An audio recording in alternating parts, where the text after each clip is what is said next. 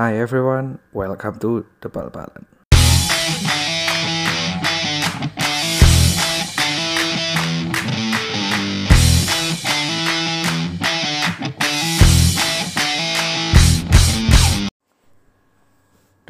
Tiga Agustus 2019 Balik lagi sama gua Tommy di podcast The Bal-Balan Wih akhirnya kembali lagi Setelah nggak tahu ya ini ada yang nyadar apa enggak. Jadi gue mau sebelum mulai mau mengaku dosa walah dosa.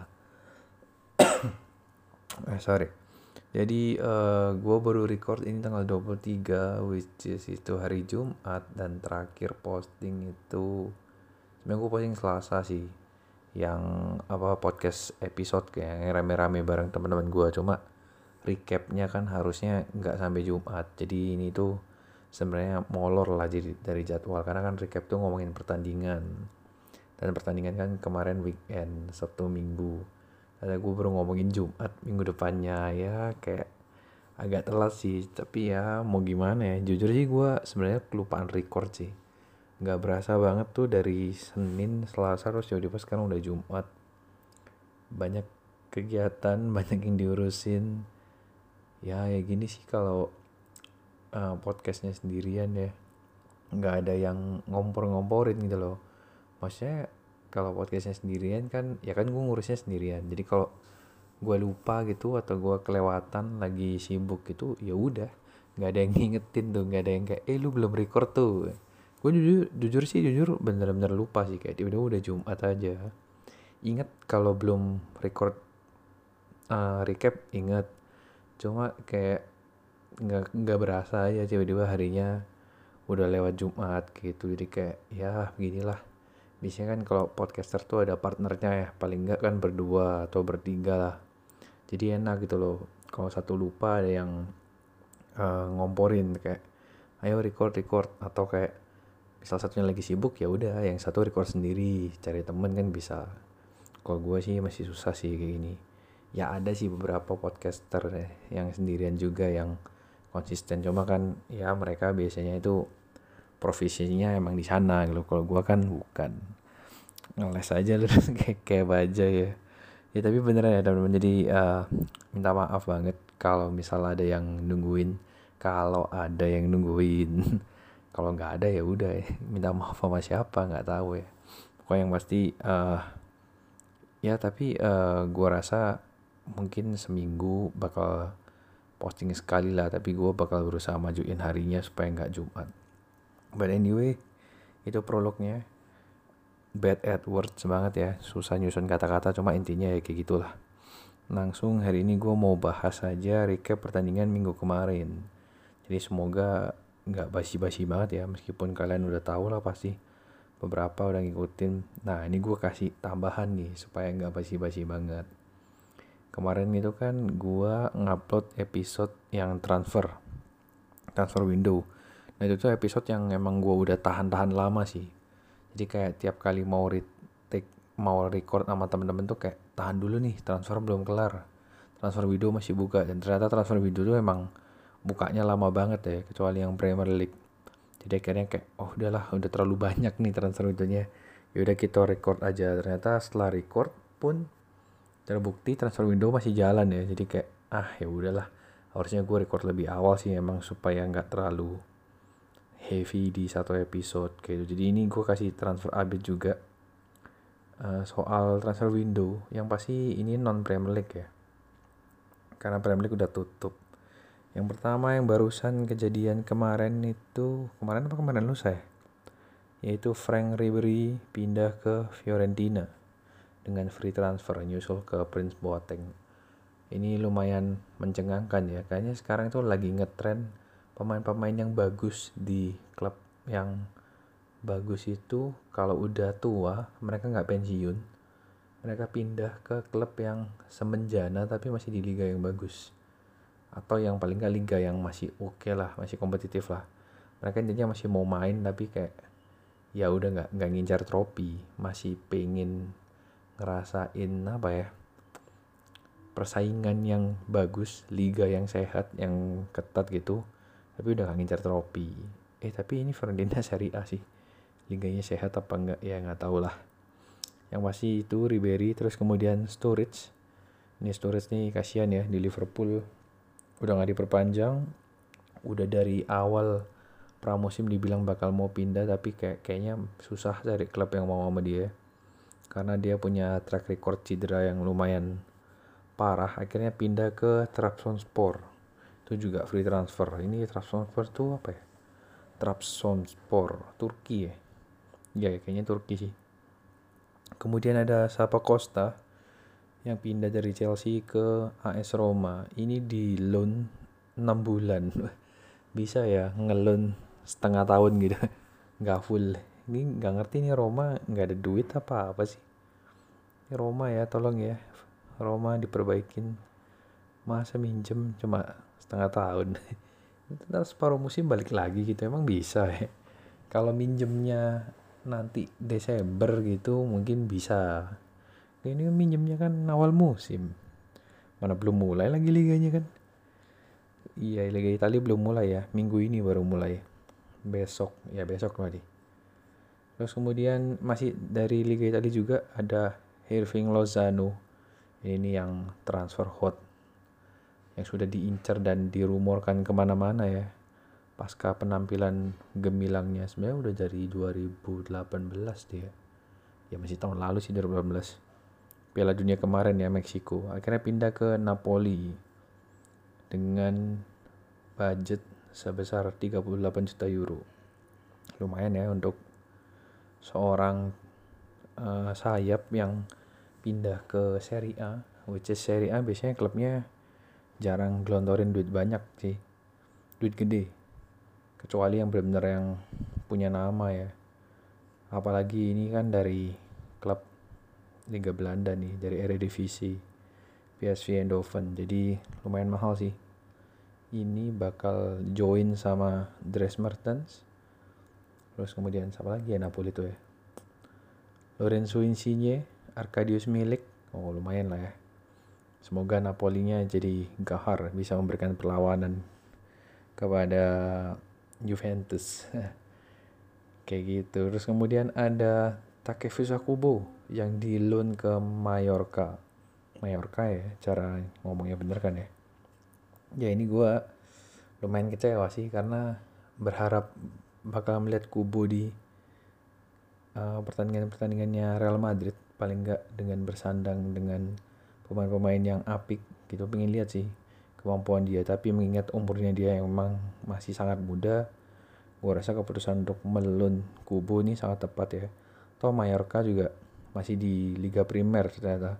Di La Liga kasta 1 gue kira tuh Mallorca di kasta 2 jadi ya oke okay lah mungkin bisa berkembang nanti ya. Terus baru pindah ke ke mana tuh nggak tahu. Ya pokoknya gitulah.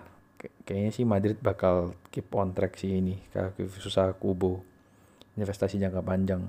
Kemudian yang terakhir untuk menutup uh, info transfer update ada Felipe Coutinho. Ini dia nih si jagoan neon ya. Jagoan Liverpool yang disia-siakan Barca ya nggak nggak diharapin sih sama Barca dia akhirnya di loan tapi masih di loan di loan ke Bayern Munich Gokil sih ini. Akhirnya ada klub yang mau setelah beritanya simpang siur nggak karuan jadiin tumbalnya Neymar di PSG. Diincar MU juga ada rumornya, diincar Arsenal juga ada rumornya. Balik ke Liverpool udah berkali-kali rumornya nggak karuan.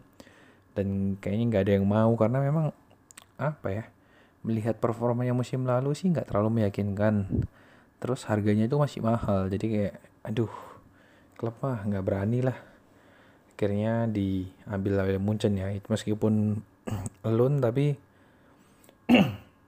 waduh sorry nih lagi nggak enak tenggorokan juga nih ya meskipun di loan tapi ada ini ya klausul buy jadi kayak gitu yes. Dikasih nomor 10 lagi sama Munchen wih kayaknya ini nih bakal diambil nih.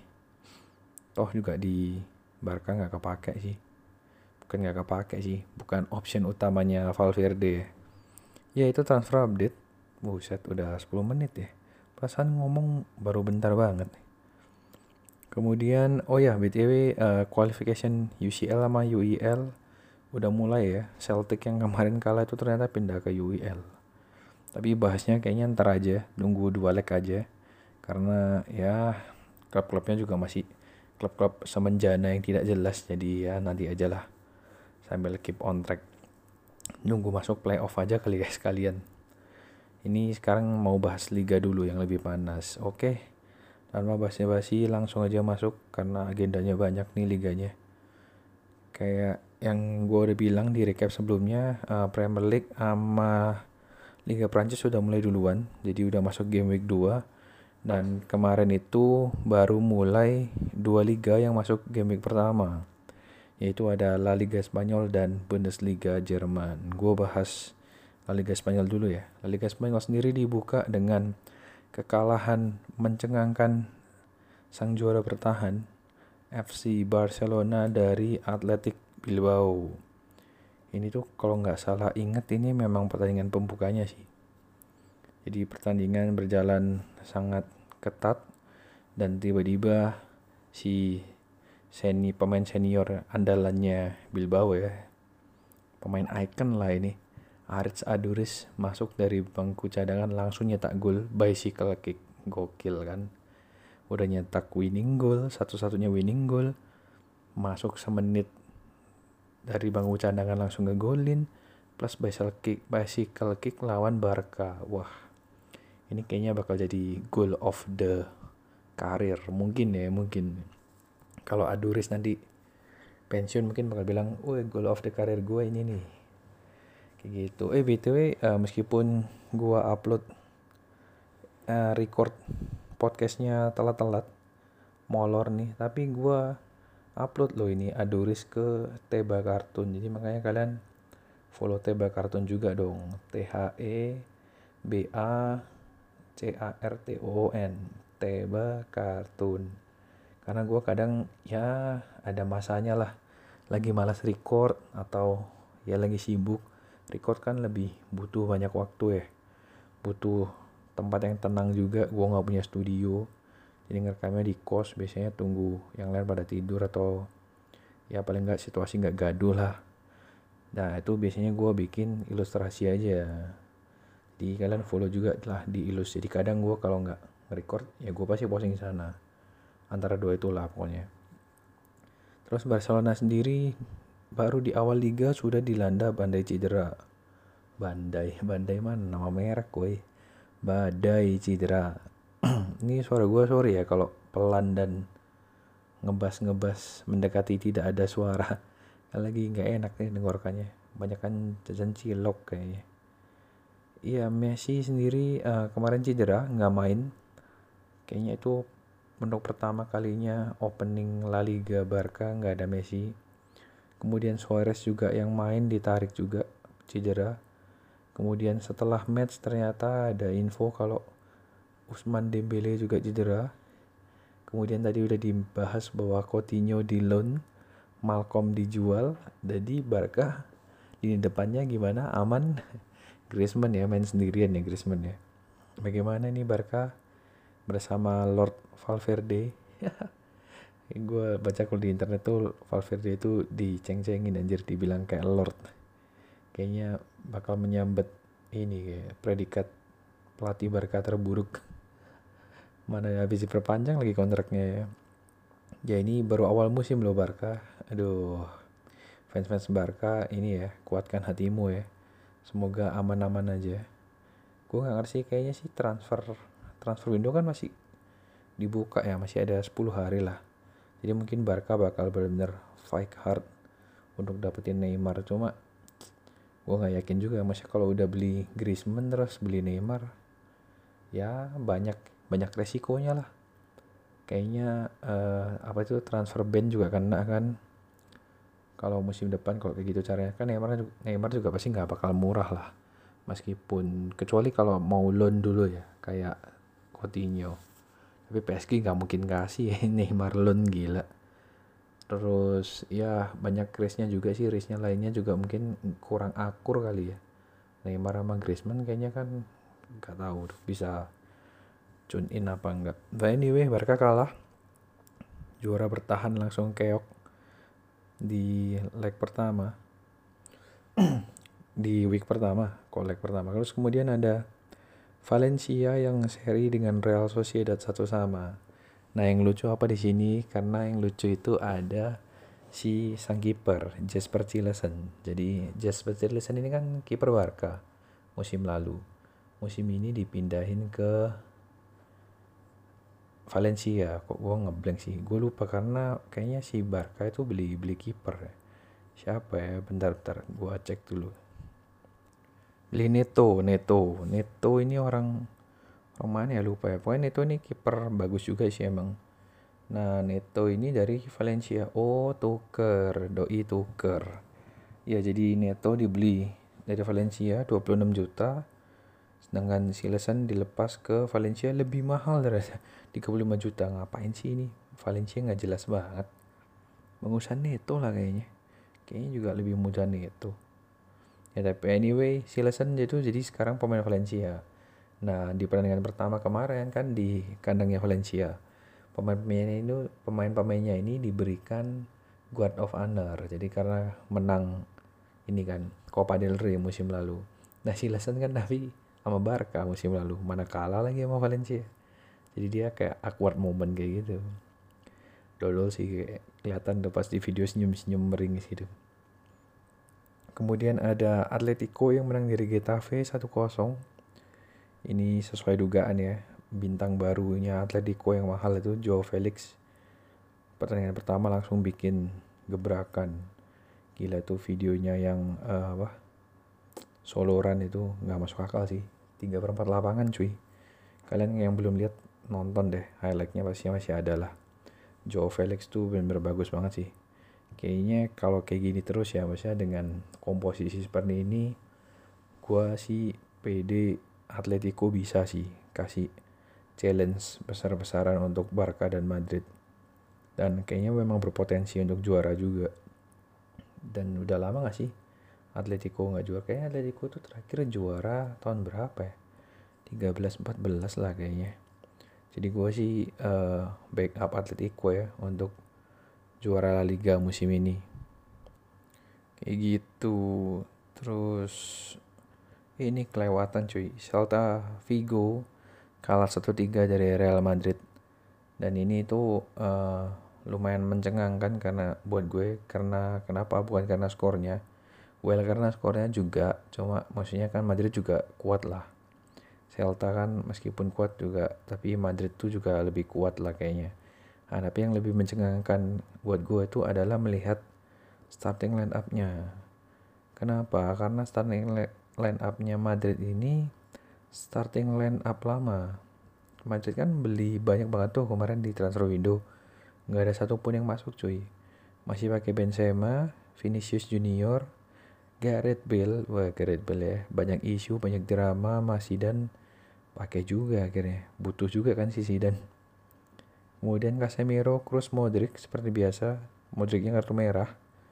Kemudian ada Marcelo, Ramos, Varane, Odriozola sama Courtois. Odriozola doang lah yang beda.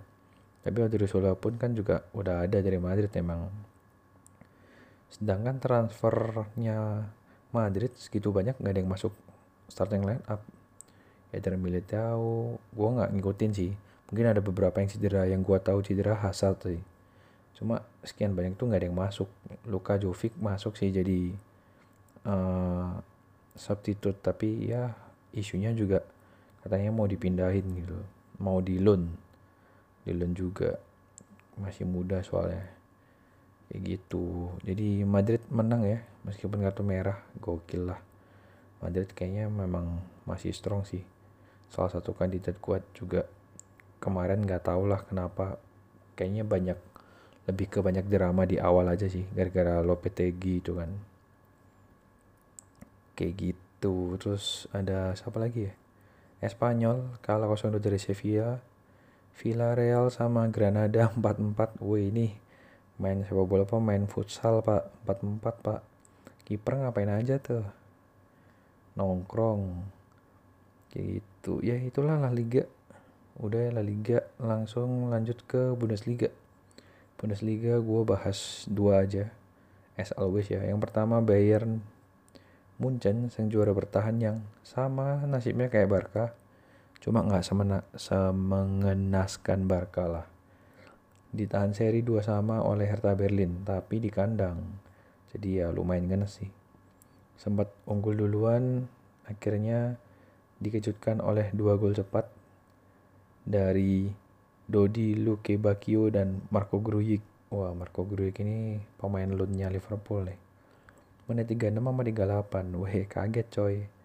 Itu TV itu masih nyarin replay dah. Udah gol lagi. Golnya Gruik bagus sih di Soloran ya. Kipernya dilewatin tuh. Neuer ngamuk-ngamuk Neuer ya. Ini gue gak ngerti apa yang terjadi dengan Bayern tapi kayaknya Bayern masih pasca ditinggal beberapa pilarnya masih ini ya after after shocknya masih berasa. Jadi ya ini tipe-tipe tim yang kalau di liga kurang challenging tuh biasanya kayak gini sih. Dan kayaknya musim ini bakal jadi cobaan berat buat Bayern. Karena sudah apa ya sudah terlalu lama dia terlalu mengandalkan Robin Ribery dan musim ini nggak ada. Terus kemudian sebenarnya dari musim lalu juga udah mulai menurun kan. Buktinya Liverpool waktu ketemu di Champion bisa menang sangat cukup, mudah bukan sangat lah. Di away jadi ya ini kayaknya muncul sudah menunjukkan gelagat-gelagat krisis nih. Kalau nggak ada Lewandowski sih wah kayaknya susah mau ngegulin deh tapi kita lihat aja lah. Sedangkan saingannya Borussia Dortmund menang 5-1 gokil. Borussia Dortmund memulai dengan sangat kuat ya. Titel kontender nih. Dari zaman bahula juga titel kontender. Ya cuma biasanya anget-anget tai ayam ya. Tengah musim setengah ke belakang mabok. Musim lalu kan juga kayak gitu anjir. Peringkat satu beda berapa poin kita sama Munchen. Ya tiba-tiba belakangan kalah-kalah mulu Jadon Sancho masih tampil sempurna melanjutkan tren musim lalu dan ya kemarin lawan siapa ya oh lawan lawan Munchen juga sih di yang piala supernya Jerman itu ya Sancho satu gol satu asis, kemudian Paco Alcacer dua gol satu asis, Axel Witsel dua asis. Axel Witsel ini bagus banget ya. Kenapa dari dulu di Zenit nih nggak ada yang mau ambil? Ya itu Dortmund. Jadi seperti biasa ya kita lihatlah. Gue sih selalu meng backup klub-klub yang underdog lah, bukan underdog sih Dortmund juga nggak underdog sebenarnya. Ya paling enggak maksudnya gue nggak pengen tuh juara itu itu itu aja lo pengen tuh juara ganti.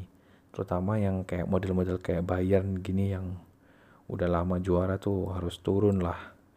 Kayak gitu supaya lebih seru oke terus kemudian ah ini bahas ke segmen 2 aja lah ini udah lumayan panjang oke break sebentar masuk ke segmen kedua bakal ngomongin Liga Prancis dan Premier League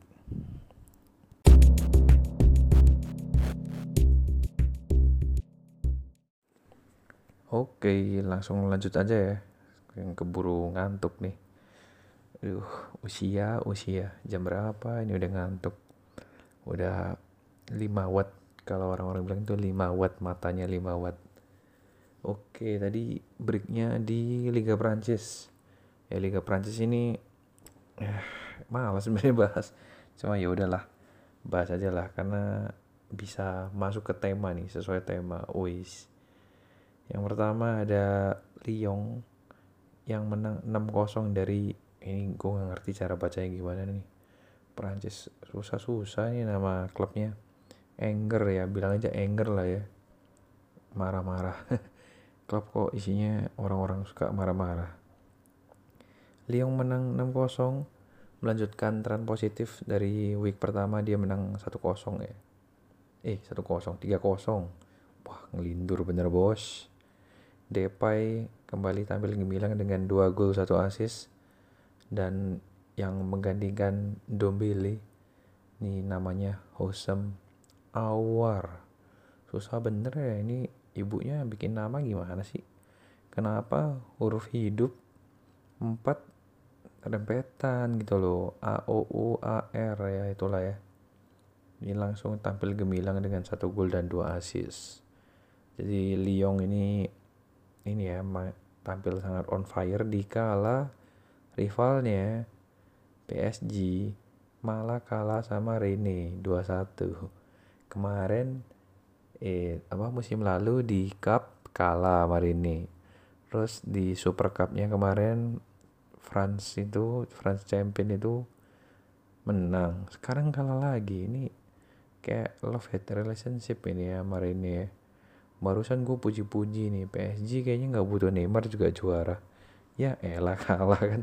Nggak jelas gitu lah emang sempet unggul duluan dari golnya Babang Edison Cavani. Ini sangat tokcer ya kayaknya ini bakal jadi top skor PSG sepanjang masa mungkin ya. Lalu tiba-tiba dibalikan dengan sangat mengejutkan oleh Yeni yang wah ini legendnya AC Milan nih Yeni yang satu menit sebelum bubar babak pertama dan kemudian di babak kedua kebobolan lagi oleh Del Castillo. Del Castillo ini kayaknya pernah denger ya main mana ya ini? Aduh malas nge-search coy. Tangannya satu pegang HP satu pegang laptop. Susah. Cari datanya susah. Kalau ada teman enak nih.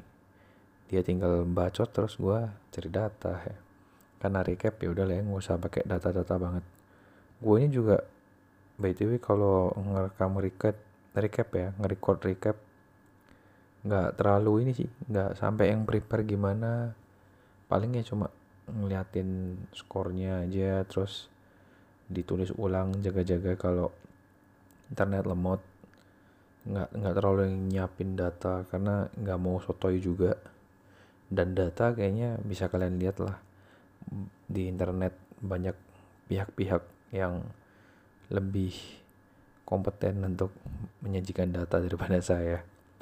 Yaitu uh, Liga Perancis ya kemudian kita berpindah ke liga yang bakal sering dibahas Premier League.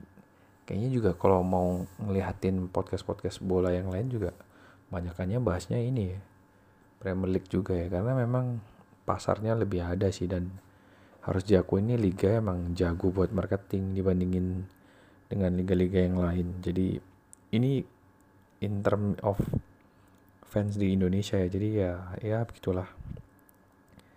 Bahas FPL dulu. Mungkin ada yang main FPL main lah ya pasti. Kalau fans-fans Premier League mah pasti main lah FPL apalagi kan masih musim-musim awal biasanya masih panas. Ntar tuh setelah Boxing Day tuh mulai udah mulai malas main FPL gua sendiri ya hancur dan emang nggak bakat main ginian ya jadi ini baru mulai game week ketiga gue udah pakai wildcard karena tuh selalu tugas yang berat ya untuk memulai musim baru tuh pilih orang kemudian jalan beberapa match lu lihat aduh kayaknya polanya patternnya itu nggak ke sana gitu. Jadi terlalu banyak error. Kalau errornya sedikit kan masih bisa dibenerin ya. Tapi kalau errornya udah terlalu banyak mah ah udahlah wildcard aja lah. Malah sambil pusing ya. Jadi gue tuh kemarin memutuskan wildcard karena banyak yang nggak work di tim gue. Jadi gue beli Aguero sebagai investasi yang mahal di depan. Ternyata dicadangin lagi-lagi sama Pep Guardiola. Emang kampret ya ya. Kalau City itu pemainnya itu terlalu banyak yang bagus. Makanya seling di rolling rolling gitu loh. Kayak aduh akhirnya beli mahal-mahal nggak kepake. Ya ngegolin sih match pertama match kedua cuma melihat polanya dia yang bakal sering dicadangin mana kemarin berantem lagi kan sama Pep. Kayaknya aduh nggak pakai deh. Terus gua striker lainnya ada ya di Arsenal yang ternyata di loan ke Leeds ya nggak ngomong-ngomong di loan. Deh gue liat kok tandanya merah terus emang nih doi cedera mulu. Kagak cuy nggak main ternyata dipindah ke Liga 2 kampret. Sama Diogo Jota Diego Jota juga nggak senyetel musim lalu lah. Nggak setajam musim lalu musim ini. Jadi ya karena front three-nya nggak work semua terus belakangnya juga di midfield gue ada Pulisic yang Chelsea-nya masih angin-anginan. Terus ada siapa lagi ya? Kiper kiper gue beli Alisson yang match pertama langsung cedera. Kayak wah udah suram lah udah wildcard aja wildcard terus kan musim ini kayaknya musimnya pemain muda ya jadi mau nyoba masukin beberapa pemain muda lah. Mungkin kayak Mason Mount mungkin Emerson Mason Greenwood bakal gue coba masukin lah.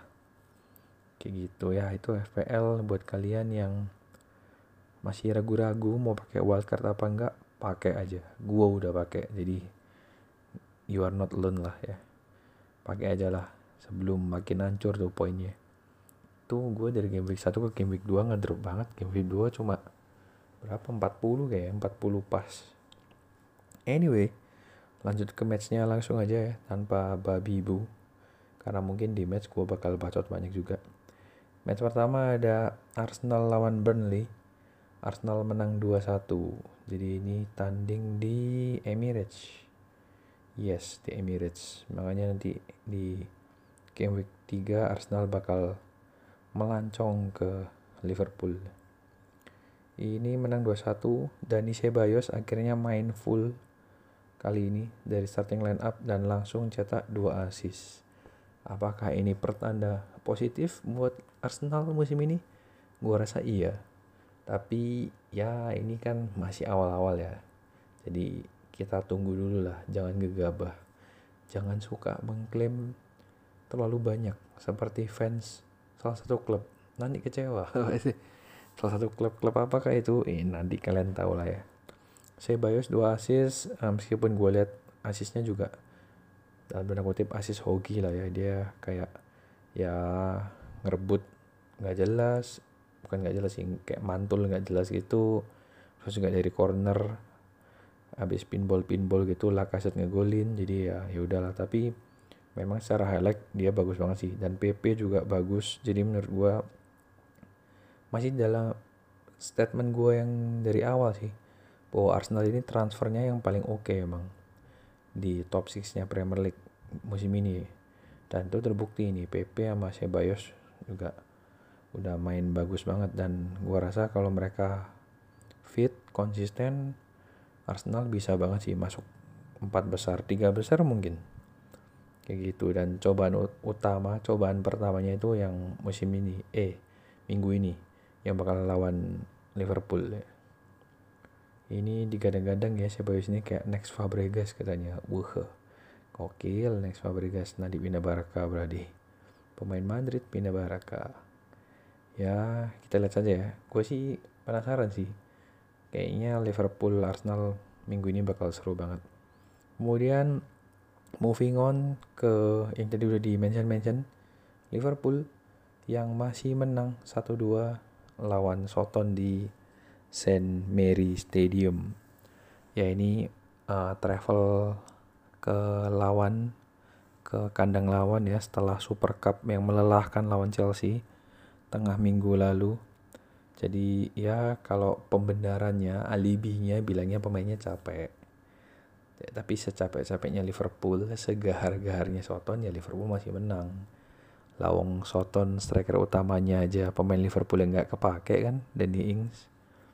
Jadi ya untungnya masih menang meskipun mainnya melempem banget. Garing banget gue nggak ngerti lah maksudnya kayak ya kayak loyo aja nih. Semoga bener ya itu alasan uh, stamina tapi btw ya meskipun alasan stamina tapi kebobolannya nggak gitu juga woi. Adrian. Adrian woi Adrian. Ya sempat ada isu bahwa Liverpool bakal pakai kiper ketiga. Karena apa? Adriannya ketekel sama fans sendiri waktu celebrate menang Super Cup. Terus nggak jadi. Ternyata Adriannya masih fit. Bukannya kasih kabar baik malah kebobolan nggak jelas gitu. Gue liat kebobolannya itu trauma pak. Beneran pak trauma. Kayak ngeliat zamannya Karius dulu gitu kan. Sama kan kar bedanya Karius pakai tangan aja lebih parah aja Karius. Ini si Adrian pakai kaki. Itu ya untung Soton ya. Kalau tim lain mah udah udah seri ya. Bahkan kalah mungkin ya. Ini 8-1 bisa-bisanya kebobolan kayak gitu ya pusing lah ya. Semoga Adrian segera bertobat. Kalau enggak ya kamu nasibnya kayak minyolet nanti diusir kamu. Kayak Karius juga. Mending gak usah pakai kiper lah. Sebel banget gue tapi Adrian bagus sih sebenarnya. Asal nggak bikin terlepas dari blundernya itu ya. Sebenarnya penampilannya lumayan oke. Okay. kan ada save-nya sundulannya Yoshida kayaknya itu. Dia juga oke okay lah. Refleksnya masih oke. okay. Kayak gitu. Jadi Liverpool memuncak klasemen ya karena tim-tim yang lain pada melempem nanti. Nanti kita bahas satu-satu. Nah ini yang salah satu tim yang melempem nih yaitu Chelsea. Seri satu-satu dengan Leicester. Sebenarnya kalau mau fair seri sama Leicester tuh not bad lah. Beberapa klub gede juga musim lalu dipersulit sama Leicester gitu loh. Man City leg pertama kalah leg kedua menang 1-0 tipis kan golnya kompani tuh gue ingat sepanjang masa tuh gara-gara itu nggak jadi juara. Liverpool. Liverpool sendiri ditahan seri. Kemudian siapa lagi? MU kayaknya kalah gue lupa tuh berapa skornya. Jadi emang Leicester ini oke okay juga cuma kan Chelsea ini belum menang nih sampai sekarang di bawah Lampard. Pertandingan yang official ya. Jadi orang-orang itu pada gregetan gitu liatnya. Kayaknya Chelsea ini cupu banget jadinya padahal dia masih tiga match ya. Kan tiga match kan Liverpool MU Leicester ya dan ini kan juga debutnya Lampard sebagai pelatih Chelsea di Stamford Bridge. Kayak temu kangen gitu. Reuni temu kangen. Eh malah nggak jadi menang eh. Wilfred Ndidi menebus kesalahan usai melakukan blunder dan memberikan bola ke Mason Mount yang akhirnya dimaksimalkan oleh sang youngster membuat Chelsea memimpin 1-0 dan akhirnya dia cetak penyama kedudukan ya di babak kedua menjadi satu sama melalui header dari sudut tendangan sudut corner kick. Ya gitu. Ya menurut gue Lampard harus lebih fleksibel lagi sih. Lebih bukan fleksibel apa ya taktikal lah. Lebih bisa melihat lawan-lawannya di Premier League itu bukan lawan-lawan yang gampang. Gue melihat Lampard ini masih main dengan caranya dia di Derby County main di Championship. Jadi yang total football serangan tanpa henti. Ya bisa pak. Kalau di Championship menang itu bisa. Tapi kan ini Premier League pak. Nggak bisa tuh. Satu taktik buat semua tim tuh nggak bisa. Harus lebih fleksibel lah. Harus lebih bisa membaca taktik lawan. Tapi menurut gue Chelsea masih ya masih one off yang oke okay lah. Maksudnya gue nggak melihat Chelsea ini sebagai tim yang parah. Atau belum. Aduh nggak tahu nanti kita lihat aja ya. Kemudian ini nih yang tadi gue mention nih ya. Para eh klubnya para fans yang sempat jumawa. Jumawa seminggu. Aduh ketawa nih. Baik ini bahaya nih kalau gue ketawa ini. Banyak yang menghujat nanti ya. Wolves yang seri dengan Manchester United. Satu sama di kandangnya Wolverhampton Wanderer. Masih namanya masih Wolverhampton Wanderer gak sih? Kok sekarang panggilnya Wolf Wolf Wolf Wolf seri ya sama sama ya Usai membantai Chelsea 4-0, digadang-gadang sebagai era kebangkitan Harry Maguire, Aaron Wan Bisaka, juara nih kayaknya musim ini. Ya masuklah ya empat besar. Eh seri langsung. Game week kedua langsung dibuat membumi sama para serigala. Ya makanya ya jangan terlalu overclaim lah ya. Buat kalian yang overclaim, tahan bos, sabar. Buat yang ke overclaim ya udah bagus. Ya tapi gue ngerti lah ya sebagai yang sudah lama tidak berprestasi peringkat 6 musim lalu menang 4-0 lawan Chelsea emang menaikkan libido. Kok libido sih yang naik? Ya kayak gitu. Jadi uh, eh, MU sendiri gue nonton ini matchnya dan gue nggak tahu kenapa gue nonton itu kan Selasa subuh ya. Jadi uh, eh, gue nonton babak pertama gol Martial assist Rashford dan mainnya bagus. Gue akuin mainnya bagus. Tapi karena udah gol terus gue merasa kayak ah ngantuk besok kerja. Gue nggak lanjutin. Ternyata bangun seri. Gue nggak ngerti apa yang terjadi di babak kedua. Yang pasti gue lihat highlightnya golnya Nevesnya cakep banget. Katanya itu hasil latihan ya jadi kalau lu cornernya Wolf itu pemainnya bakal ngepush backnya sampai deket gawang kemudian dia bakal passing cutting in passing ke dalam ke Ruben Neves yang emang jago. Tendangan jarak jauhnya. Dia kan ngegulin kayaknya 11 ya. 8 dari kotak penalti dari luar kotak penalti 3 dari titik penalti. Jadi emang jagonya tendangan lah dia. Kayak siapa ya yang jago tendangan ya? Subasa. Subasa siapa sih yang jago tendangan Beckham? Beckham lah kayak Beckham lah mungkin ya. Kayak gitu versi KW Thailand. Dan yang jadi highlight juga ini di sini ada Paul Pogba yang gagal penalti. Dan gagal akhirnya menjadikan MU itu berdiri di puncak klasemen. Jadi nggak jadi fansnya jadi nggak bisa ngecengin fans Liverpool sama Arsenal ya yang dua kali menang gagal penalti ditepis sama Rui Patricio ini penalti yang gagal keempat dari Pogba dari 12 tendangan penalti bersama Man United ya. Sempat rebutan sama Rashford katanya tuh ya Rashford itu kan punya rekor tendangan penalti yang 100%. Kenapa nih Pogba yang ambil? Ribut akhirnya ya sampai di Twitter tuh sampai racial abuse ya ini gue nggak setuju ya. Maksudnya meskipun Pogba salah ya nggak usah di racial abuse gitu loh. Kan ya yang salah kan skillnya gitu loh. Nggak ada hubungannya sama rasnya nggak ada hubungannya sama penampilannya sama orangnya lo ya salahin skillnya aja. Dan Rashford sendiri pun udah belain Pogba lo menurut gua kayak ya itu tuh kayak hal yang sangat wajar terjadi lah. Di Liverpool juga pernah salah sama Milner. Dan gua rasa di tim mana pun pernah lah rebutan penalti taker tuh bukan hal yang lebay menurut gua. Apalagi memang yang dijatuhkan kan Pogba. Pogba jadi ya memang Pogba mau ambil ya udah gitu loh. Nggak masuk ya udah. Kenapa? Maksudnya kalau bundutnya racial abuse gue kayak agak kecewa sih. Kayak nggak setuju gitu loh. Kalau mau jelekin mah jelekin penampilannya aja. Eh penampilan apa? Skill skill cara bermain. Bukan bukan nggak ada hubungannya sama itu nggak usah dibahas gitu. Dan Ole menurut gue juga sama ya problemnya. Kayak Lampard. Ini tuh tipikal-tipikal pelatih-pelatih kurang jam terbang emang.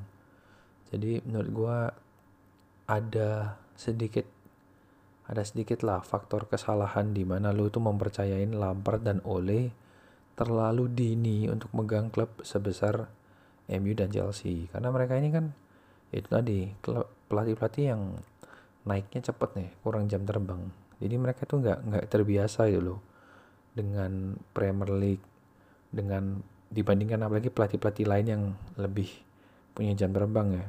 Mereka tuh masih nggak fleksibel ya kayak itu tadi loh. Waktu ya kayak kayak cuma punya satu dua taktik lah. Begitu satu dua taktik itu nggak jalan udah nggak nggak nggak ada backup plan nah Uli ini kan kayaknya juga kayak gitu kan kemarin. Masa tiga sub disimpan sampai menit 82 pak? Terus dipakai belakangan-belakangan bahkan dua set terakhir dia pakai menit 85 86 gitu mau ngapain gitu kan? Lu ini kan posisi satu sama. Posisi seri ndak ada match di tengah musim nggak ikut kualifikasi juga. Ya udah gitu kan. Mau menang apa enggak gitu kan? Cuma ya nggak tahu lah. Kita kan hanyalah netizen deh bisanya bacot nggak ngerti hal di lapangan. Cuma ya itu menurut gue ya pandangan gue ya. Kayak subnya itu dibuang-buang gitu loh. Padahal masih bisa apa ya bisa merubah jalannya pertandingan mungkin ya. Tapi ya gitulah. Gue sih seneng seneng aja ya MU nggak menang ya. Supaya fansnya yang berisik tetap membumi. Yang tidak berisik bagus. Lanjutkan iya karena sebel gue beneran pak sebel berisik banget ya kemudian match pamungkas sebagai penutup. Yang lain gak usah dibacain lah ya. Yang lain ngerti lah kalian ya. Kayak ada Brighton sama West Ham satu sama. Everton Watford satu kosong menang Everton. Ini Everton satu-satunya satu-satunya klub yang double clean sheet ya. Kemudian Bournemouth menang di kandang Aston Villa 1-2 Norwich menang 3-1 dari Newcastle. Pemain dengan nama kontroversial Temu Puki mencetak hat-trick. Gokil. Langsung jadi bandwagonnya FPL semua beli Temu Puki padahal lupa Temu Puki bakal bertemu Chelsea minggu ini. Tapi masih bisa sih masih bisa ngegulin sih. Kayaknya emang emang jago. Top skornya championship musim lalu kemudian ada The Blitz Sheffield United yang menang dari Crystal Palace 1-0 terus ada udah udah itu dong. Oh ya ini match pamungkasnya nih terakhir nih. Man City Spurs. Berakhir dua sama. Gua rasa harusnya 99% penikmat bola terutama Premier League nonton lah match ini. Karena pamungkas ya ini match seru banget apalagi di game week kedua udah ketemu ini sesuatu yang sangat langka. Dan City sekali lagi untuk kesekian kalinya enggak lah enggak kesekian kalinya kayaknya baru tiga kali kayaknya direpotkan oleh Spurs. Dan kayaknya City-nya Pep tuh sekarang kryptonite-nya tuh Spurs. Spursnya Pochettino udah bukan Liverpoolnya Klopp lagi. Kalau dua minggu lalu eh dua minggu dua tahun lalu kan Liverpoolnya Klopp yang dikalahin dua leg itu di semifinal Champions League. Yang 4-1 ya leg pertama ya di Anfield. Mampus ya tapi kan beberapa minggu belakangan ini beberapa bulan belakangan ini Liverpool udah nggak bisa menang lagi dari City. Ya nggak tahu kenapa tuh noobs banget lah sebel gue. Nah sekarang kryptonite-nya pindah ke Spurs setelah direpotkan lagi-lagi oleh uh, Spurs di Champions League lagi-lagi di Champions League maksudnya. Dua leg home dan away dan sekarang di Premier League kejadian lagi. Dan kejadiannya ini ini ya deja vu ya. Skornya seri si City butuh menang dan City ngegulin di menit-menit akhir di oleh VAR jadi kayak kejadiannya sama bahkan sama di Etihad Stadium ya. Jadi tuh nightmare sih. VAR tuh sekarang kayaknya bakal jadi nightmare-nya Guardiola. Kayak lihat tulisan VAR wah stres kayaknya. Ya menurut gue selalu gitu ya. Setelah match kan banyak yang ngecengin kayak wah VAR nih nggak ini nih nggak fair nih. Merusak pertandingan. Ya menurut gue mah itu hanya akan keluar dari mulut fans-fans yang dirugikan pihak yang dirugikan atau penonton yang ngakunya netral tapi pengennya panjat sosial atau ada modus lain ya kayak itulah ya pokoknya. Maksudnya menurut gue ya namanya keputusan wasit ataupun teknologi. Even VR itu kan udah jelas ya VR itu kan memang dibuat untuk supaya nggak ada kejadi kesalahan gitu. Itu aja masih dinilai merugikan. Ya emang kita nggak akan pernah bisa muasin orang gitu loh pihak yang dirugikan bakal selalu ngeklaim bahwa keputusan wasit itu salah. Ya emang selalu bakal kayak gitu. Coba kalau VR-nya yang dirugikan Spurs ya fans City bakal diem-diem aja. VAR bagus VAR aku suka ya bakal gitu. Emang apa ya, ya emang udah kayak gitulah. Jadi nggak usah terlalu dipikirin lah. Nggak usah terlalu dipikirin lah orang uh, komennya apa tentang VAR toh dulu nggak ada VAR juga sama aja loh yang disalahin wasitnya kan tapi yang unik di sini tuh di uh, City lawan Spurs tuh di statistiknya ya. Jadi City ini punya 30 shot, 10 shot on goal. Tadi bilangnya nggak mau baca data, sekarang baca data ya. Ini udah disiapin bos, ini khusus ya pertandingan pamungkas soalnya. 90% passing akurasi, 56% possession, 13 corner. Tapi hasilnya cuma seri ya. Apes bro. Sedangkan Spurs cuma punya 3 shoot dan 2 on goal. Ini FIFA in real life. Dan golnya Spurs tuh bukan gol-gol yang kacangan loh. Golnya bagus-bagus itu. Si Lamela sama Lukas Moura. Lukas Moura apalagi.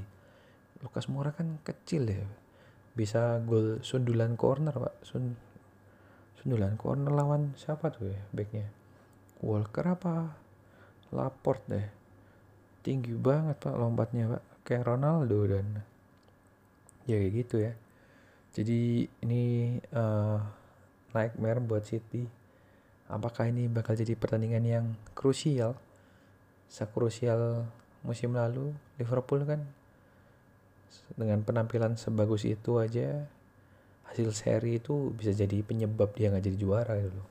Siapa tahu kali ini yang kejadian Manchester City kan bisa saja kan 99 poin nggak juara siapa tahu bisa aja gitu yang pasti itu semua recap minggu lalu dan judulnya kali ini itu adalah Minggu Berat Para Juara. Wes, pinter nggak tuh cari judulnya? Gak mikir mah judulnya mah lihat dari ini aja hasil pertandingannya aja.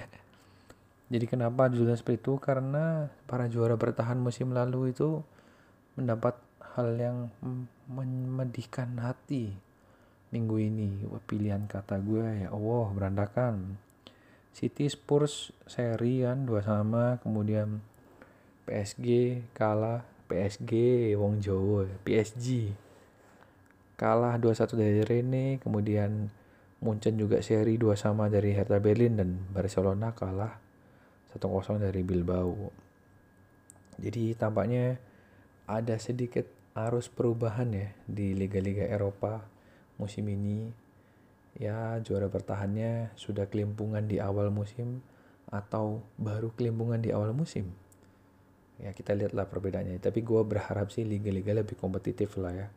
Terutama liga-liga yang bosenin tuh ya yang juaranya itu itu aja. Munchen PSG Juve Juve belum mulai nih. Apakah Juve juga akan terjegal di awal musim ini menyusul para juara bertahan yang lain? Ya kita lihat aja. Minggu ini mulai Itali kayak gitu. Ya semoga liga-liganya makin seru. Dan ya gue sih optimis ya paling nggak Premier League lah bakal seru. Gue sih sangat berharap Premier League itu nggak kayak musim kemarin yang cuma didominasi dua klub bisa punya tiga klub atau empat klub lah. Dan kayaknya kalau dari pengamatan gue kayaknya sih Spurs dan Arsenal mungkin ya. Uh tertrigger langsung fans MU Arsenal. Ya tapi kan ini baru pendapat gua gitu loh. Kan menurut gua MU tuh faktornya lebih ke faktor ini sih. Ole faktor Ole. Gua masih merasa Emery itu sedikit lebih berpengalaman dan lebih jago daripada Ole. Tapi ya sekali lagi ini kan soto-sotonya gua ya siapa tahu ya bisa berubah. Kayak gitu. Ya MU masih bisa lah. Yang yang agak nggak bisa itu Chelsea sih menurut gua. Chelsea kayaknya masih butuh tahun depan paling nggak untuk bersaing. Masuk ke empat besar. Oke aku rasa itu aja. Udah banyak nih videonya durasinya udah panjang thank you semua buat yang dengerin jangan lupa follow IG-nya double balan T H E B A L 2 A N dan yang terpenting dengerin kita terus di podcast-podcast platform di Spotify dan Anchor. Jangan ketinggalan dan apa ya? Ya udah sih, itu aja. udah malam nih, pusing ya mikir kata-katanya. Oke, thank you semua yang udah dengerin. Sampai ketemu di episode atau podcast recap berikutnya. Bye-bye.